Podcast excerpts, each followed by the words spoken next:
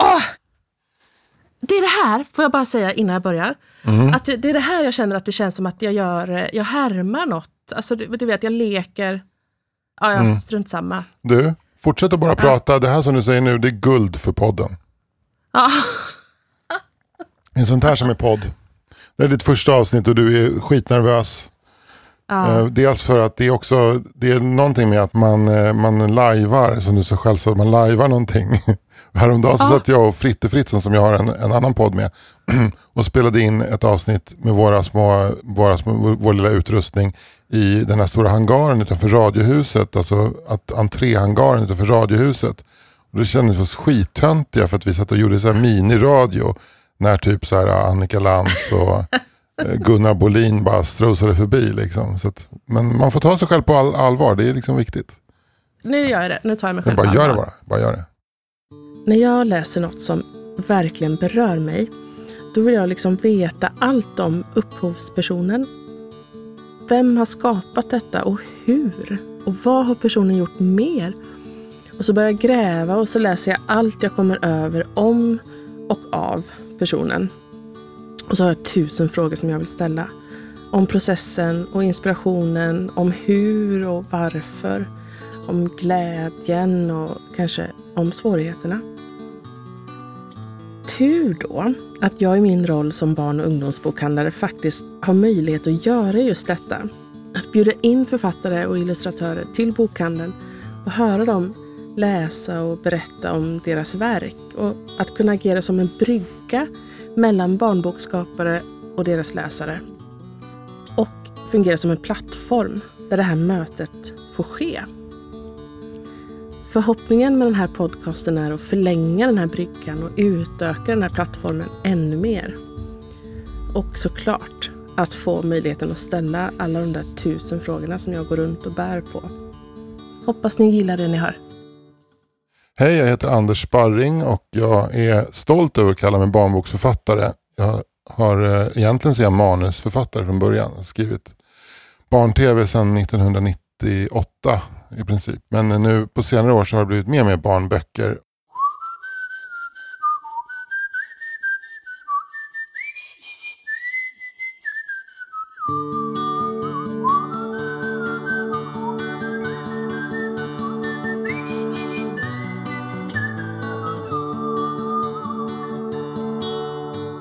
Hej Anders! Hej Emma!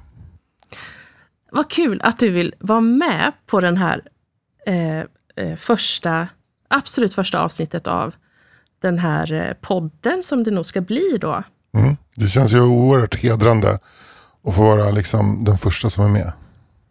Gör det det? Ja, det känns, Ja, det känns väldigt bra. hedrande. Ja, men det ska bli jättekul att prata med, Ja, med dig. ja. När jag tänker på dig, alltså för mig är ju du såklart mest eh, eh, bekant genom eh, böckerna om familjen Knyckertz. Ehm, men när jag tänker på dig så tänker jag väldigt mycket på din berättarglädje och jag vet att du också ibland kallar dig själv för berättare. Mm. Eh, nu sa du i, i, i din eh, i prata här så sa du barnboksförfattare och manusförfattare.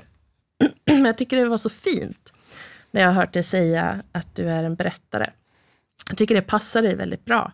Och då undrar jag lite, om vi kan börja i den änden, och, och så undrar jag lite var den här berättarglädjen och berättarlusten kommer ifrån. Ja, men alltså det, det tror jag egentligen är det här med, med ehm, alltså berättandet är ju ett sätt att samla Alltså, faktum är att det är ett sätt att samla fokus runt sig själv. Alltså, det finns en, ett mått av, av exhibitionism i det där. Alltså att, eh, för berättandet är ju liksom någonting som suger människor till en. Och jag har alltid fascinerats av eh, människor som har förmågan att, eh, att samla människor runt sig med en, en historia och med liksom, sina ord bara liksom skapa den här gravitationen runt sig själva. Sen så tycker jag att det är väldigt mysigt själv om man sitter liksom tillsammans ett gäng och någon börjar dra en story som man blir indragen i. Eh, Just ja. Och sen så i berättandet ligger ju också, ligger ju också liksom möjligheten till andra typer av krumbukter. Liksom.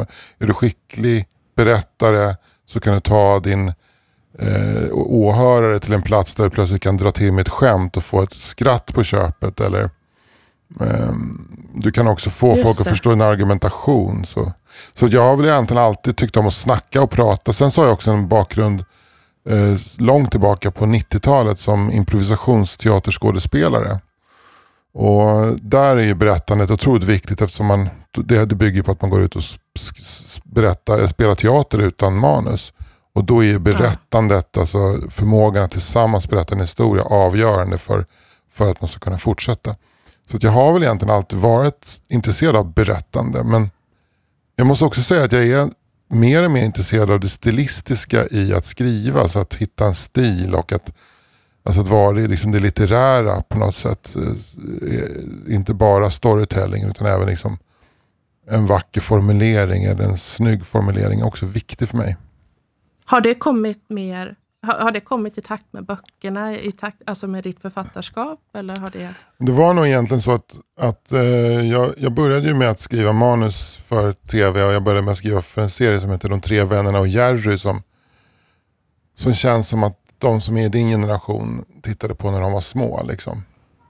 Och, då, Ja. och då som manusförfattare så är det stilistiska, alltså förmågan att formulera sig inte lika viktig. Däremot är ju förmågan att berätta väldigt viktig, att kunna föra en historia framåt.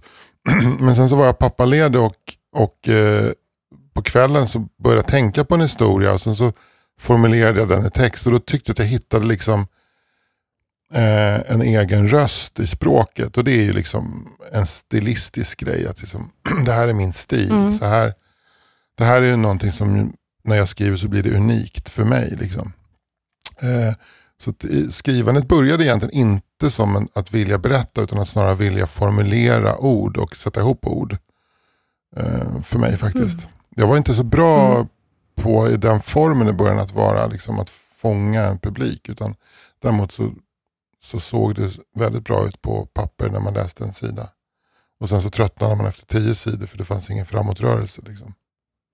Ja, för du har, nu nämnde du ju en, men du har ju skrivit ass, otroligt mycket eh, till tv-manus. Alltså Björnes magasin, den här eh, Rita och krokodilen. Rita på krokodil, ja gör ni det? Ja, Vad roligt. ja, favorit. Dansk, dansk samproduktion. Ja, det är egentligen en hel dansk produktion. Ja, okej. Bajsfilmen också ju. Bajsfilmen är ganska sen, den kom ju 2014. Det var, jag hade liksom en period mellan 98 och 2014 när jag i princip, och jag tillsammans med en annan författare som heter Jan Fiert skrev, jag skulle säga hälften av det som produceras för barn i Sverige. Liksom. Ja. Vi hade, vi hade mo, liksom monopol på SVT i princip en period. Eh, på gott och ont. Men dels därför att det inte produceras så mycket och dels därför att vi som par blev väldigt starka och, och, och bra. Liksom. Så jag, jag, har jobb, jag har verkligen varit med från framförallt 98-99 till ja, 9, 10, 11 där någonstans. Så skrev vi nästan allting. Alltså. Vilket var en otrolig skola. Men eh, det, att skriva manus det är som att ge sig in väldigt mycket, att ge, att ge sig in i ett grupparbete och där har man inte lika stort inflytande över slutresultatet. Så att, eh, när det är, ibland så kan det vara så att du ser något du har skrivit och inte riktigt känner igen det för att du har gått igenom en regibearbetning och en skådespelaren har ändrats. Så att man blir, eh, man blir lite så här, man kan bli lite stött. Men varför fick jag inte... Och det, var, det, var, det var en av anledningarna också till att jag tyckte var nyfiken på, på att skriva böcker. För att se hur, hur långt jag själv kunde bära en historia. Just det. Mm. Hur du låter Mm. och hur din Mm. röst låter. Men det, hur kom det, då började du liksom testa att skriva i samband med din föräldraledighet. Då, Mm. Då började du skriva mer på egen hand. Då skrev jag en bok som heter Martin Mokare, en, en, ett bilderboksmanus som heter Martin Mokare. Som var tio sidor långt ungefär och sen låg det ganska länge i eh, en eh, byrålåda tills eh, det dök upp, Rabena Sjögren skulle ha en barnbokstävling. Och då gav jag det till en illustratör eh, och frågade om hon ville göra illustrationer. Och hon gick igång på det men sen kom det liksom ingenting från henne. Så att deadline för den här barnbokstävlingen passerades och jag hade fortfarande inte fått iväg det. Men då tänkte jag att jag, jag skriver ut och skickar det till Rabén. Eh, och det hade det kanske gått ett och ett halvt år efter att jag hade skrivit den. Så skickade jag det och eh, då svarade faktiskt en förläggare som heter Birgitta Westin. Med vändande post. Och som ringde mig efter bara tre dagar och frågade om jag hade hört av mig till något- annat förlag och sådär. Och jag blev hysteriskt glad för hon sa att mm. det här är ju väldigt, väldigt bra. Liksom. Men sen så, det, det sjuka var att det här var i juni, jag tror att det var i juni 2006.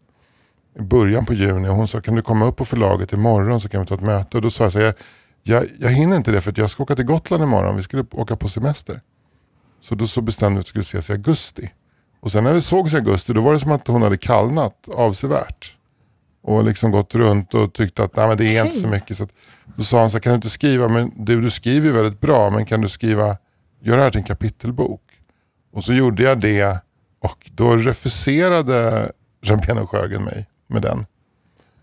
Och varpå ha. jag började skicka det till andra förlag och efter ytterligare ett år så fick jag ett mail från Caroline Bruce, Caroline Bruse på Natur och kultur som då var redaktör där. Och hon gillade den här boken. Och då hade den gått från att heta Martin Mokare till Karla Brottare. Ah, ja. Och sen så, ja. och sen så eh, sa hon att det skulle bli utgivning men hon tyckte fortfarande att det behövde en bearbetning och jag började tröttna lite. Och skrev en, och eh, gjorde en bearbetning som skulle se ut som lättläst. Och jag var glad för uh det och faktiskt att Emma Adbåge var på som illustratör där. Uh Men eh, sen så fick jag ett hövligt mejl från eh, vdn för Natur och kultur som sa att vi har lagt ner den här utgivningen så det blir ingen Karla Brottare tyvärr.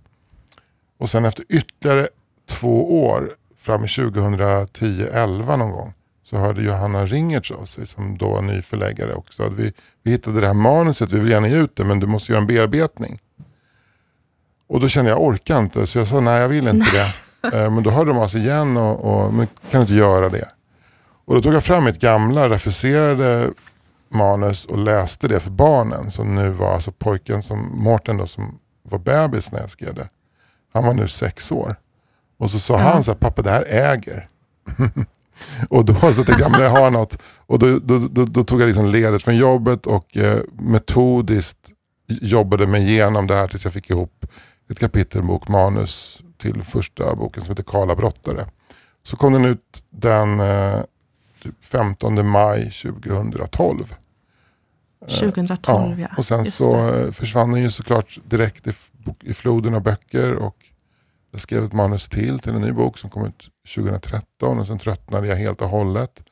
Men sen så kom det ytterligare en bok 2016 som jag blev jättenöjd med som heter Karla Brottare och Hamsterpappan. Och då kände jag så här, ja, men nu har jag ändå något. Nu, det här, nu kan jag skriva, nu, det här är bra. Liksom. Det blev ju till slut Jonna Björnstjärna som illustrerade böckerna om Karla Brottare. Jag har inte så mycket kontakt med henne längre. Jag, min kompis Josefin Johansson eh, som är ståuppkomiker, ja, hon, eh, hon äh, gör ju böcker med Jonna. Och de är väl gamla ah. humorpolare från Malmö. Gick så här, det är någon Malmö-gäng där runt Jonna Björnstjärna och Nanna Johansson och Josefin Johansson. Det verkar vara ett coolt gäng som har hängt Aha, i Malmö. Det är så det hänger ihop. Ja, för de var ju här också faktiskt med Dynamitgummor och pratar om den och de har gjort även den. Jaha, var Josefin Johansson och Jonna Björnstjärna? Ja, ja precis. Ah. Och då har de även gjort den här drottningsylt. Just det. Eh, tillsammans. Men, men, men alltså, jag, Jonna Björnstjärna var ju en jädra lyckträff. Alltså för att det var när min första bok skulle komma ut. Och först var det Emma som gjorde illustrationerna till, till en jättefin pekbok, eller lättläst, lättläst version. Men sen så eh, när, när vi skulle göra kapitelbok så tror jag inte att hon kunde. Och då så fick jag välja på lite olika illustratörer. Så då hittade jag själv. Jonna eh, på, jag kommer inte ihåg jag hittade henne men jag bara gillade verkligen hennes grejer. Ah. Då hade hon just tagit över Hans Arnolds eh, gig i, är det Tomtar och troll eller något sånt där som hon gjorde. Ja. Spökhistorier, tror Kalla kårar, kalla kårar. Tror jag. Och jag gillade det. Och hon var ju väldigt kul också Jonna. Hon, hon gillade tror jag också Karla brottare väldigt mycket. Så det ah. var, en, var ett roligt samarbete. Men Sen så tyvärr så har ju Karla bara försvunnit ur min horisont. Så jag har inte haft någon kontakt med Jonna på sju åtta år nu. Men böckerna sålde inte så bra. De kanske kom ut, gick ut i upplagor på 3000 och 1700 sålde. liksom. Så att, mm. eh, men då började Johanna Ringertz på Natur och kultur och eh, fundera på om inte jag skulle göra någonting ihop med Per Gustafsson. Eller hon frågade egentligen Per Gustafsson om han ville göra någonting ihop med någon. Och då hade Per sagt, ja men med Anders. Mhm. Och då ville de beställa en bokserie av mig och Per. Liksom, de ville ha, också ha en Lasse-Maja eller en de ville också ha en handbok för superhjältar Mm. på naturkultur. Så då vi vi skulle göra en serie, det skulle bli en succé. Det var det de sa. Och då tänkte vi så här att ja, men Lasse-Maja är populärt, vad händer om vi gör Lasse-Maja tvärtom? Och eh, Just där det. föddes Knyckertz. då. Men hur, och, och nu, var är vi nu i tid? Någonstans mellan 2012 och 2017? 2000, jag tror att det, det här är faktiskt innan Karla Brott och Hamsterpappan har gått ut. Den är färdigskriven Okej. så det här är nog hösten 2015. Eh, som vi träffas på ett café och knäcker idén till Knyckers. Och sen skriver jag första versionen av den väldigt snabbt, lite för snabbt. Och sen så skriver jag en ny version som är klar våren 16. Och jag börjar skriva bok nummer två. Eh, för mina Knyckers och Gulddiamanten. Så bägge två ligger klara. Så, så kommer Mm. det som den första boken ut tror jag i april 2017. Och sen har det kommit en Mm. om året sedan dess. Då. Så första april varje Precis. år kommer en Knyckertz.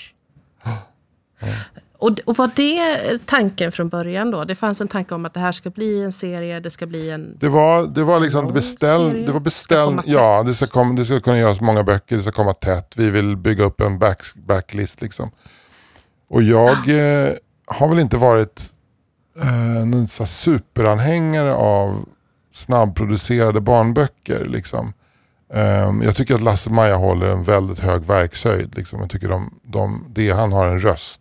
Och, och jag tycker att eh, Helenas bilder är liksom väldigt fina. Men sen är det väldigt mycket annat i den här genren som känns snabbproducerat. Och jag ville liksom att det, vi ändå skulle bottna i varje bok. Så att vi drog ner, först var det tänkt en i halvåret men sen så drog vi ner det till ett om, en om året. Och vilket gör att jag kan ändå lägga ganska mycket tid på liksom, att skriva de här böckerna. Ja, för det är ju också en tidsaspekt i det. Så vad gjorde du då? Alltså vid det laget, var du heltids? Kunde du liksom skriva det här på heltid? Eller arbetade du fortfarande med annat? Eller hur såg det ut? Jag arbetade med annat. Jag, som manusförfattare satt jag då och gjorde en eh, krimserie, eh, mordserie som utspelar sig i Linköpingstrakten baserat på Måns Kallentofts böcker och Malin Fors. Just det. Och eh, Ja. Det var jag väldigt det var jag liksom väldigt inne i. Men jag lyckades ändå röja, alltså inspirationen som kom till mig när jag förstod att jag skulle göra Knyckertz, eller när jag, vi började prata om Knyckertz, den var så stark så det, jag behövde ingen extra tid utan jag kunde göra det här på kvällarna. Liksom. Jag var så Ja. inspirerad och det var så kul. Ehm, så att, eh, då satt jag med eh, en producent som heter Linus Torell och gjorde den här mordserien. Och sen så var det så här faktiskt också att när hon sa så här, Johanna sa så att vi vill göra en serie som blir succé, då tänkte jag då måste den nå ut också. Då är det nog bra att få en ad- adaptation på den ganska snabbt. Jag träffade också Linda Hambeck som producerade och regisserade Bajsfilmen som sa det också att jag ville få succé ska du nog få den till tv. Så då presenterade jag Knyckertz för Linus som direkt sa men ska vi inte prova att få, få det här som julkalender? Och, eh, Wow. ja. Och vi gick upp Ja. och då, då kom vi upp liksom till barn och ungdomsredaktionen där jag hade varit gått som barn i huset tio år tidigare. Och Linus också hade gjort det så att vi fick gå rakt in till Johanna Gårdare som var chef där och presentera det här och de blev väldigt intresserade. Så att det gick ganska lätt att få, få därifrån fram till att vi hade ett ja på att få göra julkalender. Det var en otroligt okomplicerad process kan man säga. Ja. Ja, verkligen. Ja.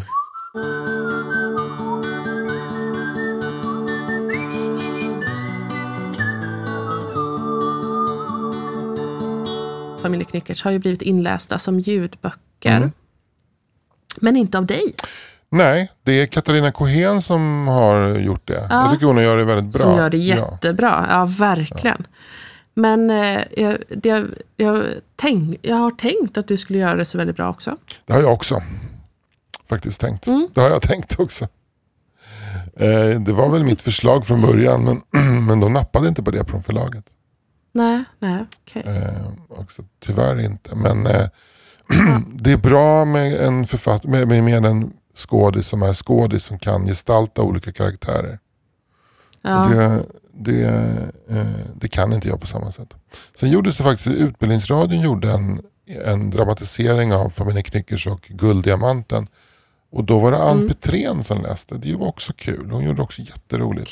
Mm. Ah. Väldigt kul faktiskt. Åh, vad ska det bli mer av Knyckertz? Det ska bli eh, Teater? teater och prata om musikal har vi pratat om. Men eh, just nu är det långfilmen och att Ja. jag ska börja tänka på en ny bok också.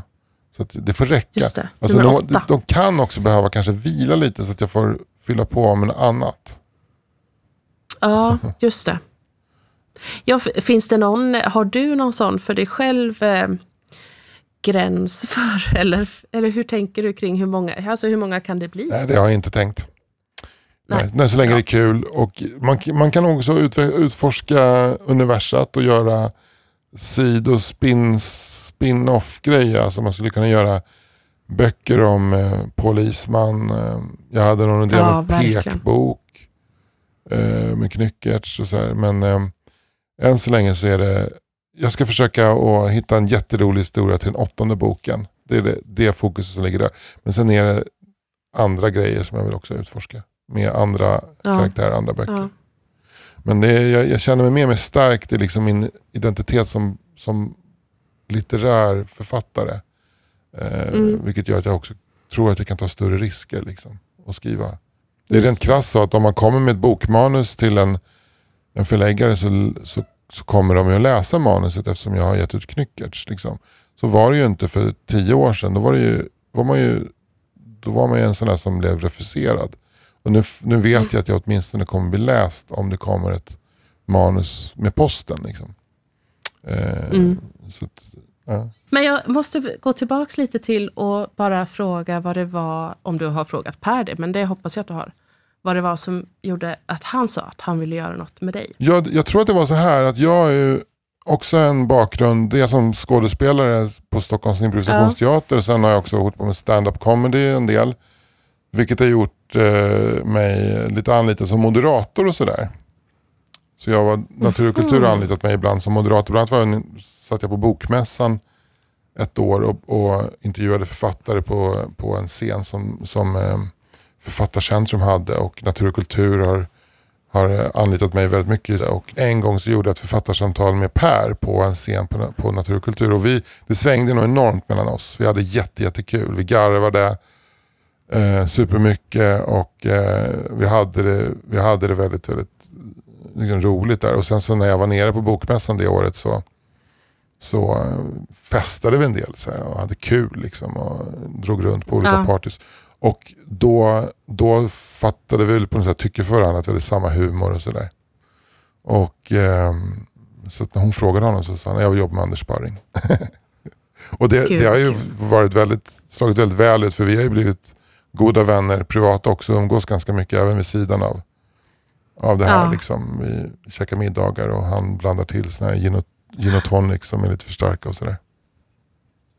Ja, men det känns eh, eh, alltså, eh, verkligen eh, när man ser er och när ni är ute på eh, besök i skolor och bibliotek och ni har även varit i både bokskåpet och lilla bokskåpet flera gånger. Mm.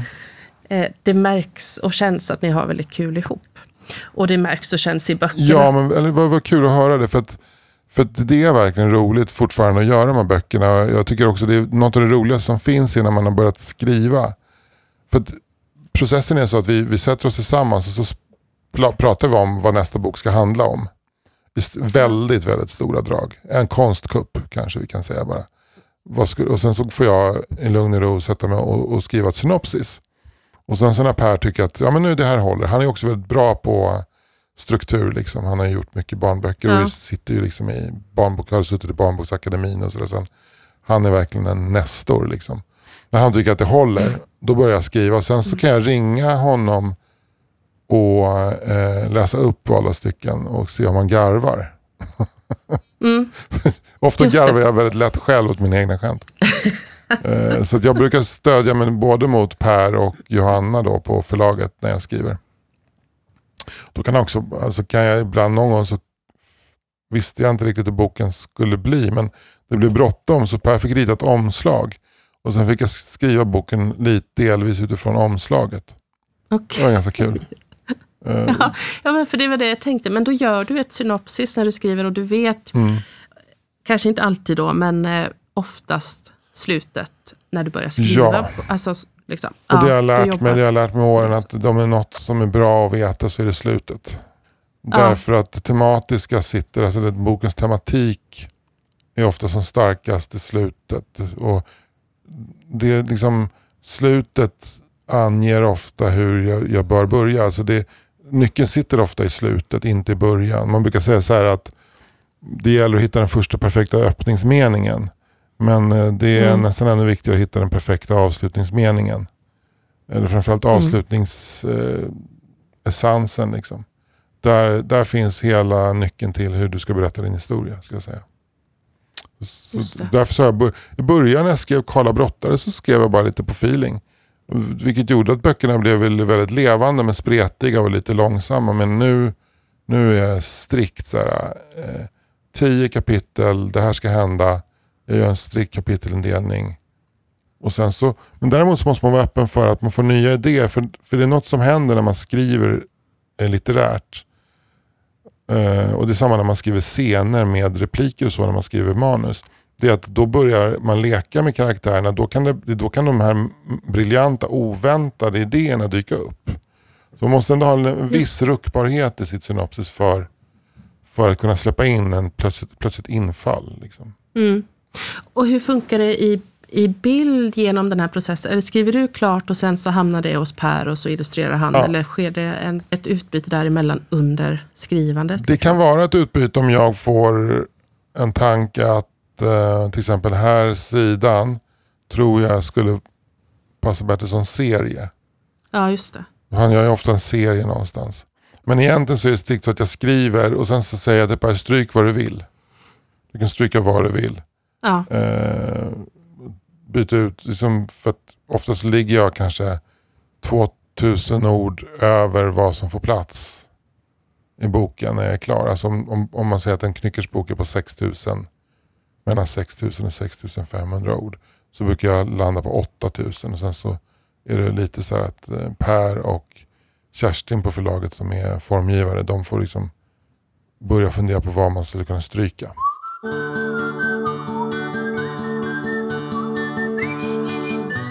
Och det är, nu är det ju kanske så att den här intervjun kanske kommer ut ungefär samtidigt som den sjunde boken av eh, Familjen Knickertz släpps. Mm.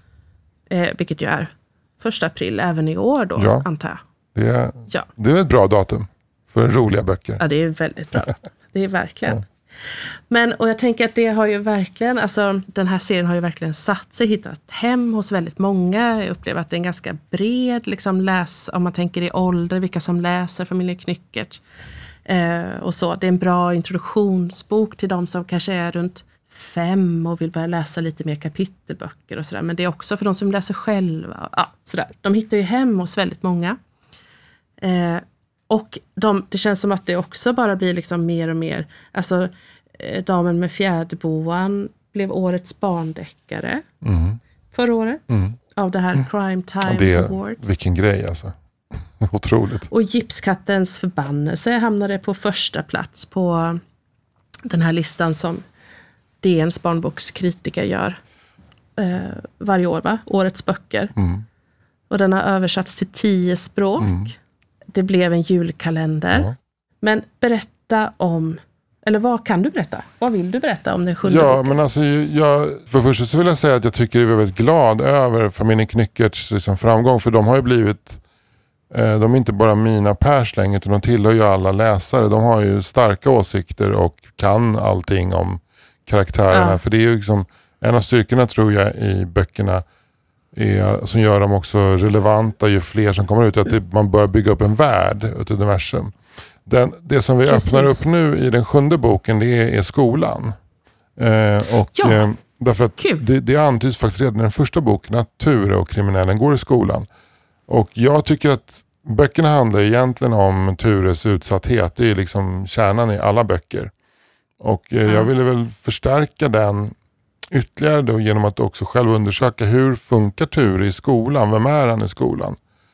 Eh, och tanken i början var att han var väl väldigt, väldigt duktig i skolan och sådär.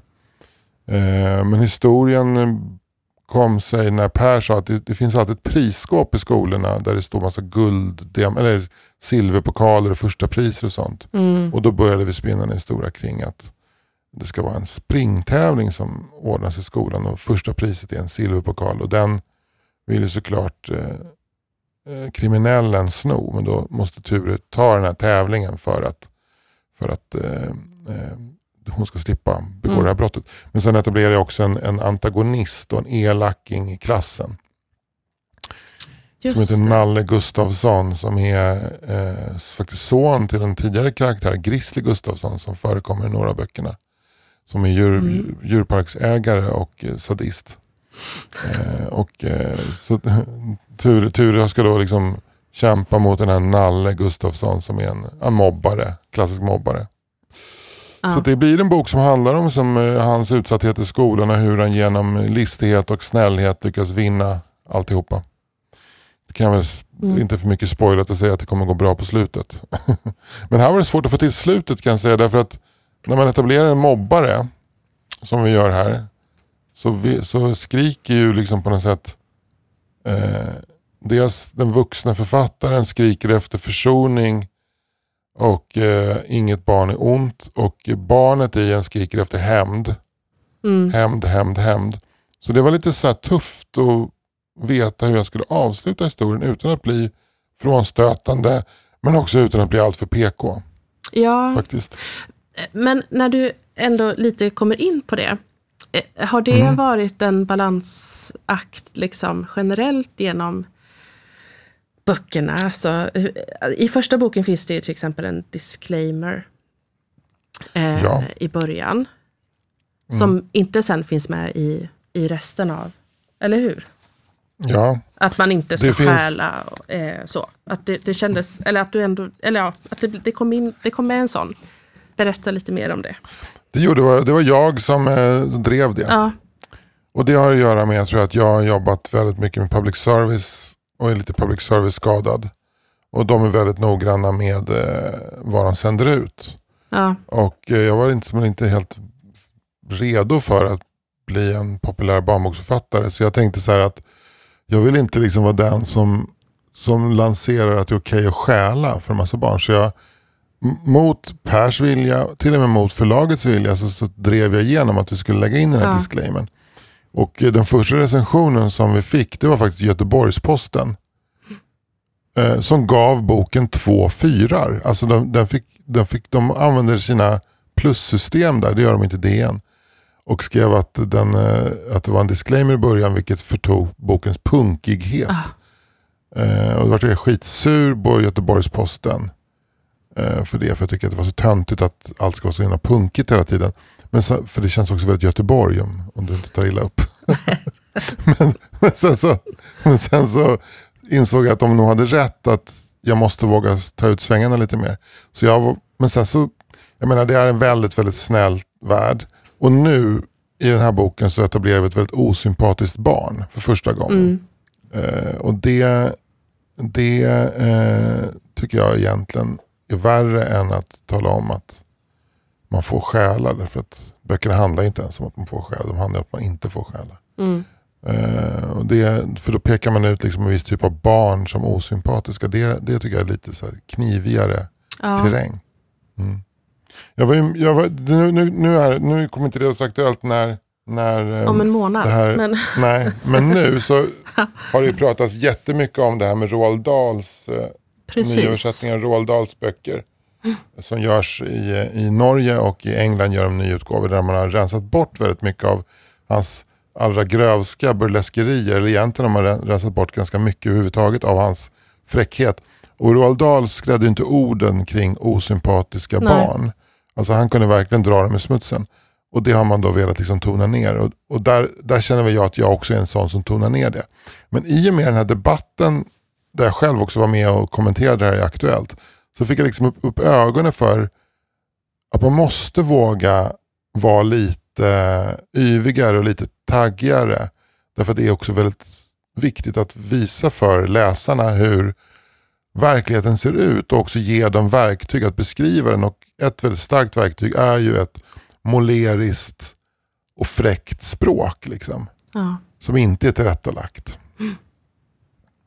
Så jag, måste, jag, ska, jag, ska, jag kommer nog försöka satsa på att bli, försöka bli lite mer, eh, i då Göteborgspostens ord, lite punkigare Lite när jag skriver. punkigare. Och fortsätter.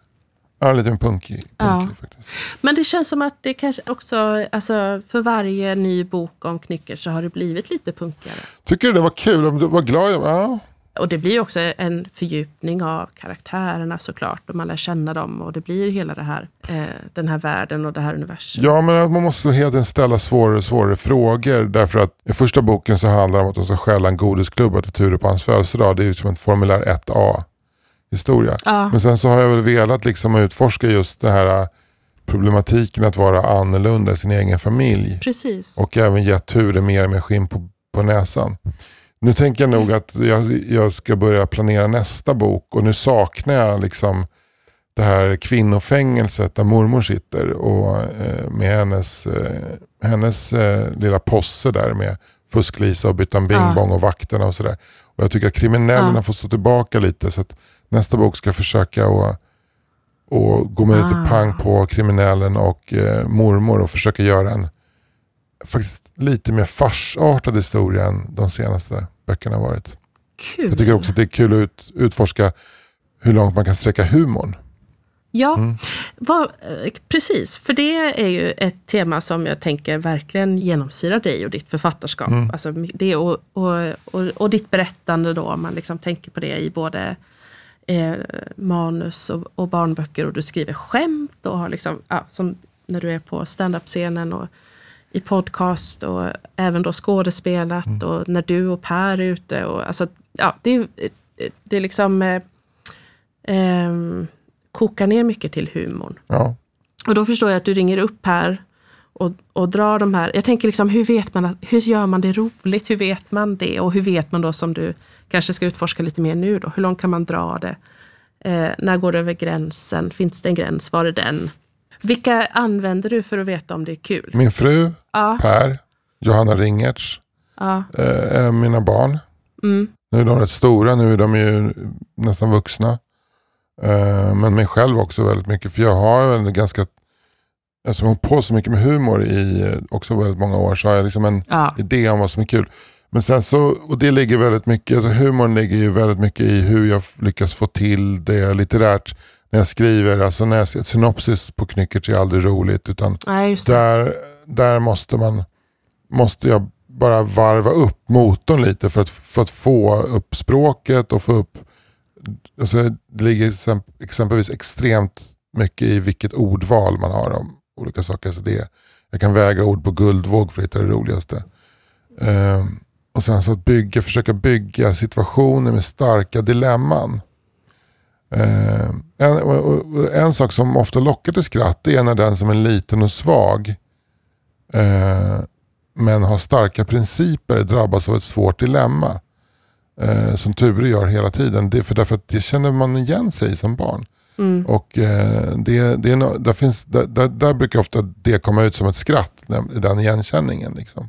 Men, men hur det blir roligt tycker jag är så svårt att svara på. För jag måste bara, liksom, jag kan bara säga att jag, jag försöker att, och sätta mig ner och sätta fart på den här motorn.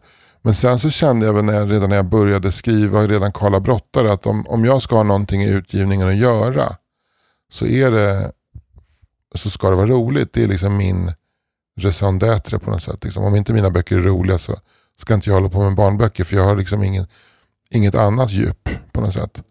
Uh, och jag kände också när jag började att jag tyckte det var tunnsått med bra humor för barn. Det finns ju roliga böcker men de är antingen lite för eh, på raden, liksom prutthumoraktiga eller, mm, eller lite för tillrättalagda. Jag, jag ville hitta det där liksom som är kul mellan raderna på något sätt. Eh, som finns väldigt mycket bilderböcker. Så om man kollar på Eva Lindströms böcker så är de hysteriskt roliga mellan raderna Mm. hela tiden. Men som försvinner lite i kapitelboksutgivningen tycker jag. Men det måste, ju- eller hur, det måste bli så också. Du måste ju tänka mycket i bilder när du skriver. Alltså är det att du ser Pers bilder framför dig eller där bilden kanske får berätta någonting som du struntar i att berätta i ord? Eller? Nej, jag tänker inte så mycket bilder faktiskt när jag skriver. Nej. Jag tänker väldigt Nej. mycket mer i... Alltså dels så tänker jag väldigt mycket på storyn. Att varje kapitel måste innehålla en vändpunkt. Det är superviktigt. Men jag tänker väldigt mycket med magen när jag skriver. Mm. Vad får jag in maximal humor här liksom? Tänker väldigt mycket i, i eh, eh, kom, kontraster. Kontrasten mellan Mm. polisman och mamma Fia till exempel kan ofta Just. bygga väldigt mycket humor. och Sådär, va? Eh, Men jag Mm. tänker inte så mycket bilder och jag blir ofta väldigt förvånad när jag ser bilderna. Jag försöker att... Ja, det är så? Ja, Ja. och glatt överraskad ofta. För Per har också Ja. en väldigt stark känsla för tajmingen liksom, och, och eh, tajmingen i humorn. Sådär. För jag tänker att du ändå har, eller oftast också då i att skriva manus till tv, alltså i rörlig bild och sådär. Dina texter hänger ju oftast ihop med bild. Det är samma där. Alltså när, jag skrev, eh, när jag skrev julkalendermanuset så hade jag en helt annan bild av hur det skulle se ut och hur det skulle vara. Och så. Ja. Eh, det, det gjorde mig ju... Julkalenderarbetet gjorde ju mig till en väldigt, väldigt mycket bättre barnboks... Eller väldigt, väldigt mycket bättre manusförfattare än vad jag var tidigare. Måste jag säga. På vilket sätt då? Ehm, jag lärde mig, det var så en stor volym och så storydrivet. Så Ja. att jag lärde mig just det här med vad är, vad är en vändpunkt, vad är ett avsnitt, vad är en scen. Eh, hur får jag fart på ett avsnitt liksom. Och, och det har jag kunnat ta med mig in i barnboksskrivandet också. Och även i manus, Mm. annat manusskrivande. Att, att, liksom att man, man börjar lära sig liksom hur, hur sätter man igång en historia. Vad, vad är en historia? Blev, jag blev mer och mer rak i mitt berättande. Mycket mindre omständig än vad jag var tidigare. Mm. Ja. Nu har vi gjort en långfilm också på Knyckertz. Ett långfilmsmanus som kommer att ha premiär i höst någon gång. Ja. Ja. Eh, Den är inspelad och klar men nu, nu klipps den. Och där, där fick jag återigen lära mig på, på nytt då, för det är en, en annan, ett annat format. Ja. Eh, Och där känner, ser jag ju direkt nu när jag liksom är klar. Shit, den är lite omständig. Jag skulle kunna varit rakare. Och, så jag hoppas på att få en chans att, att fortsätta. Men jag tror ändå att den kommer bli väldigt bra. Jag tror den kommer bli superbra, filmen. Hur länge har det varit, eh, eh, liksom, eller hur länge har ni jobbat med det? När blev det bestämt? Planen var att jag skulle bara lägga från mig julkalendern och börja skriva långfilm på en gång. Eh, Ja. Men eh, på allvar har jag väl skrivit på den sen årsskiftet 2021 ungefär. Alltså när de började spela in julkalendern. Men eh, tog inte, arbetet tog nog inte riktigt fart förrän för ungefär ett år sedan, hösten 21, så började, så började jag liksom få fart på det och den blev definitivt färdig våren 22. Så att, eh, Mm. var, jag var väldigt segstartad efter, efter eh, att jag hade skrivit klart julkalendern märkte jag. Otroligt Mm. Trött i huvudet. Ja, Ja. förstår Men nu är det så jävla kul att den är, att den är inspelad. Det var väldigt roligt när de spelade in den och få träffa alla karaktärer igen. Och, och Ja. Polisman och Tur och kriminellen och Bove. Och, ja, det var jättekul. Det är samma eh, casting liksom, alla Ja, karaktärer Ja, är med. det är i princip Ja, samma. samma. Inte riktigt men i princip samma casting. Mm. Ja. Men du gör ändå då, du skriver liksom ett helt nytt. Har du aldrig tänkt att göra det lätt för dig att ta en av böckerna och filmatisera? Från början så tog jag en av böckerna och, och, men sen så en, en knyckertsbok är för kort för att funka som långfilm. Ja, finns, man måste fylla på. Och så börjar man fylla på och då börjar manuset leva sitt eget liv. Och till slut så har man glidit sig bort ifrån bo, så långt bort ifrån boken som det bara går. Och då kan man inte ens ha samma titel. Men det var från början familjen Knyckertz och Snutjakten som skulle bli filmen. Mm. Men nu, nu är det något helt annat. Det, den enda likheten är att snuten, alltså hunden, står i fokus. ja okej. Kul. Där går ju snuten in och blir berättarrösten till och med Ja, i snuten. Det är ju väldigt roligt. där har man, där har man en sån här humorgrej. att Du har snuten då som är hund och vi ser ju vad han eh, går igenom och vad han lever i för värld. Och sen så ger man honom en berättarröst och då förstår han plötsligt att han inte fattat någonting. Eh, han förstår liksom ingenting vad de håller på med. Och han tror att de... Och det, där, det är en sån här nästan humormekanik på något sätt. Jag tycker det var Ja. jättekul att skriva de, de kapitlerna om när snuten berättar faktiskt. Ja. Men det är ett väldigt roligt, alltså det, det är ju det som är ehm, eh, din, din stil, din berättarstil är ju väldigt rolig. Det här som du gör, det här, nu, jag kan inte termerna, det kanske heter något särskilt. Eh, något, en berättarstil eller teknik eller något sådär. Ja. Men alltså det här att det är, det är ju en berättare och vi, man, blir, man är väldigt liksom eh, det börjar med det här kommer den här boken innehålla och så staplar upp så, du, du, du, varsågoda. Och så mm. är, är vi igång och sen ibland blir det som små liksom, utblickar till läsaren. Då. Man är väldigt eh, man är väldigt väl omhändertagen när man läser böckerna om familjen Ja, det var, var kul att höra. Det är väldigt roligt. kul att höra. Man liksom får, det är någon som håller den i handen sådär. Och, ja, men det är väldigt mysigt. Jag tänker, så att, jag tänker att man ska hugga tag i de små läsarna för de är så splittrade och har så mycket annat för sig. Just det. Så man måste liksom sträcka ut handen och hugga tag i dem. Lyssna, nu ska du få höra. Sitter du ner, okej nu kör ah. vi. Nu blir det åka och det blir action också. eh, och sen så har vi den här Pers eh, fantastiska roliga grej med att någon har stulit eh, författarporträttet som är längst bak. Ja. Och det blir bara roligare och roligare tycker jag. ja. det, det, det, är helt och hållet Pers eh, uppfinning. Jag tycker den är så kul. Ja, kul. Du, mm. läser du mycket? Ja, jag läser ganska mycket. Ehm, jag eh, försöker att läsa så mycket jag bara kan men jag är lite trög. Särskilt under så här jobbintensiva perioder så går det långsamt och då, alltså då tittar jag hellre på tv-serier tyvärr. Men jag försöker att pressa i mig i alla fall någonting varje kväll innan jag somnar. Och just nu, nu så läser jag Yve Sands Häng City. Ah, eh, som utspelar sig i Luleå och det är ju väldigt, väldigt eh, kul att läsa för det är en barndomsskildring. Eh, mm. Och jag får jättemycket tankar och idéer när jag läser den här faktiskt. Och som jag, jag kommer att ta med mig in. Läser du när du är inne i en liksom intensiv skriv? Alltså hänger det ihop för dig? Eller? Alltså jag läser väldigt dåligt när jag är inne i en skrivperiod för jag, jag är så trött i huvudet. Men då ja. kan det vara så att jag tar en, eh, jag tar en bok eh, av till exempel Eva Lindström då, och går igenom den för att få upp humorn liksom, eller få, få inspiration. Eh, och jag läste häromdagen så, så läste jag ganska mycket i Emil i Lönneberga. Eh, mm. Av Astrid Lindgren. Som jag tycker är, det är också en, en av de roligaste böcker som har skrivits. Eh, alla mm. de tre, den trilogin är liksom väldigt Woodhouse-humor. Liksom. Fruktansvärt mm. roligt. Och det var så att min fru fick tandverk och svullnade upp sådär som pigan Lina gör i mm. en. Och då läste jag det för henne och jag garvade ihjäl mig. Alltså, det är så fruktansvärt roligt och där kan man snacka om att det är elakt också. Alltså, den där stackars pigan, hon, hon, hon Astrid Lindgren har så låga tankar om henne. Alltså. Ja, det är fruktansvärt roligt. Så, men det, och det, det kan vara rent inspirerande. Sådär, att jag vill också, fan, nu vill jag komma igång och skriva igen för dig. Åh, jag vill in i det här. mm. Du, en grej med om man läser äh, äldre barnböcker som jag tänker mycket på det är liksom läsbarheten. Man mm. läser då, vi har pratat om Roald Dahl tidigare, man läser man Kalle chokladfabriken. Mm. Det är så långa meningar och bi, långa bisatser så det skulle man nästan inte släppa igenom idag i en bred utgivning på ett stort förlag. Och Det är samma sak med Astrid Lindgrens böcker, särskilt Emil. Men det är skrivet på dialekt och också meningar med eh, kan vara bland tre bisatser i en mening. Eh, vilket gör till ett enormt, ett väldigt bra flöde i högläsning. Mm. Men är du nere på LUS 12-13 så kan du inte läsa det. Och Det kan jag sakna så här, som barnboksförfattare. Att själv få vara så språkligt liksom fri så att man bara kör på.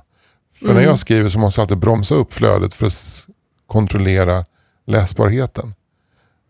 Mm. Eh, det, tycker jag, det tycker jag är ganska, det, det gör ett väldigt, väldigt, väldigt svårt jobb. Alltså det är också en, en, tank, en fråga som jag har, men, och en tanke när du också har berättat det första manus du gjorde och skrev var tänkt som ett bilderboksmanus. Mm.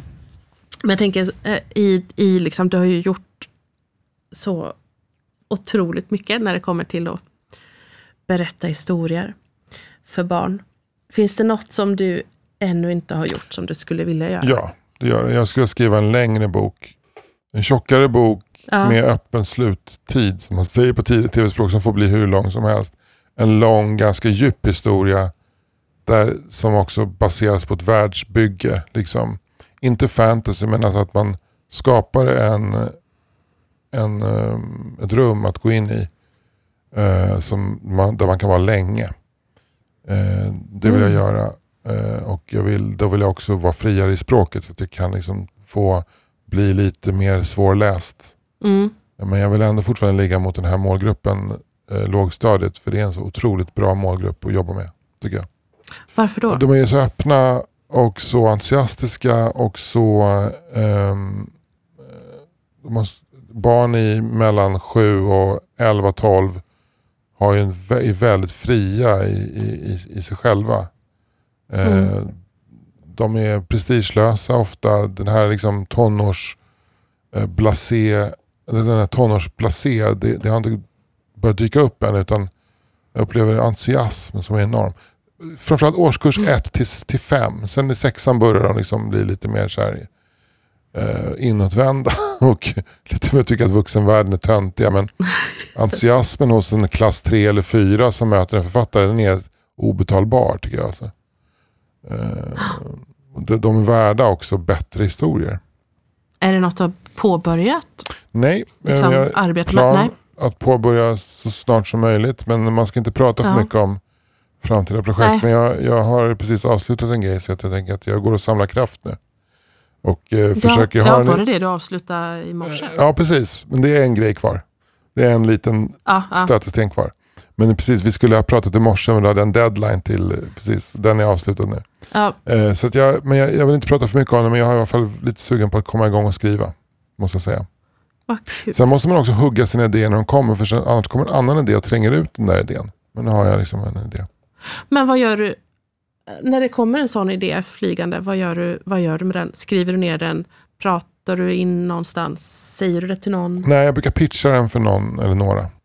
Ja. Pitcha idén för någon som jag litar på och se hur den landar. Liksom. Och nu, den här idén har jag pitchat för ganska många. Nu börjar jag känna att jag inte ska pitcha den mer för nu börjar jag tycka att den vattnas ur. Nu måste jag bara skriva på den annars så... ja, just det. ehm, så, så men ehm, den ska vara rolig men också, också hemsk. Den ska vara Ja. lite brutal till och med. Ah. Barn gillar ju mörker. Mm. Mm. Ja, verkligen. Också sporrar till att ta lite risker. Men hur har du det med prestationsångest och, och sånt? Jag fick ganska mycket prestationsångest när eh, familjen Knyckers Gipskattens förbannelse blev utsedd till årets bästa barnbok av Dagens Nyheter. Det var förödande för Mm. mig. Eh, men jag lyckades, tror jag, liksom ta mig igenom det med nästa bok. Eh, Mm. Så nu har jag inte supermycket prestationsångest längre. Jag, jag, eh, det är klart att jag, som alla som skriver eller håller på med något kreativt så har man perioder av extremt starkt tvivel. Men för Mm. tillfället så har jag inte speciellt mycket prestationsångest faktiskt. Det har jag Nej. inte. Bra, Jag, skönt. jag är mest orolig för att, liksom att, att jag ska kallna. Jag, är 50, fyller 54 i vår. Jag är så rädd att jag ska bli trött och gammal och inte vara lika spänstig intellektuellt längre. Så jag känner mig lite stressad över liksom att jag måste hinna Mhm. göra så mycket som möjligt innan, innan man blir gammal och, och gaggig. Okej. Men det är väl... Eller det, är, du, är du inte i någon slags... eh, Har du, har du ens nått din peak i intellektuell spänstighet? Det tror jag inte. Det hoppas jag, trodde jag. verkligen inte. Nej, men det är det jag menar. Det är ju jättelångt kvar innan det skulle börja dala. Precis, men det är ändå bra, det är ändå bra att sätta en klocka. Allt, allt bra berättande ska också ha en tickande klocka det här är min tickande klocka. Ja. Du, jag har haft en tanke som min eh, sambo absolut inte tycker om. Han tycker inte jag ska göra så. Men jag har haft en tanke om att jag ska avsluta varje, varje avsnitt med att säga tack och förlåt. Ja, men det ligger väl kanske i dig som karaktär att göra det, så gör det. Ja, jag tror det. Det känns bra och avrundande. Gör det. Då gör jag så. Tack och förlåt. Du är förlåten.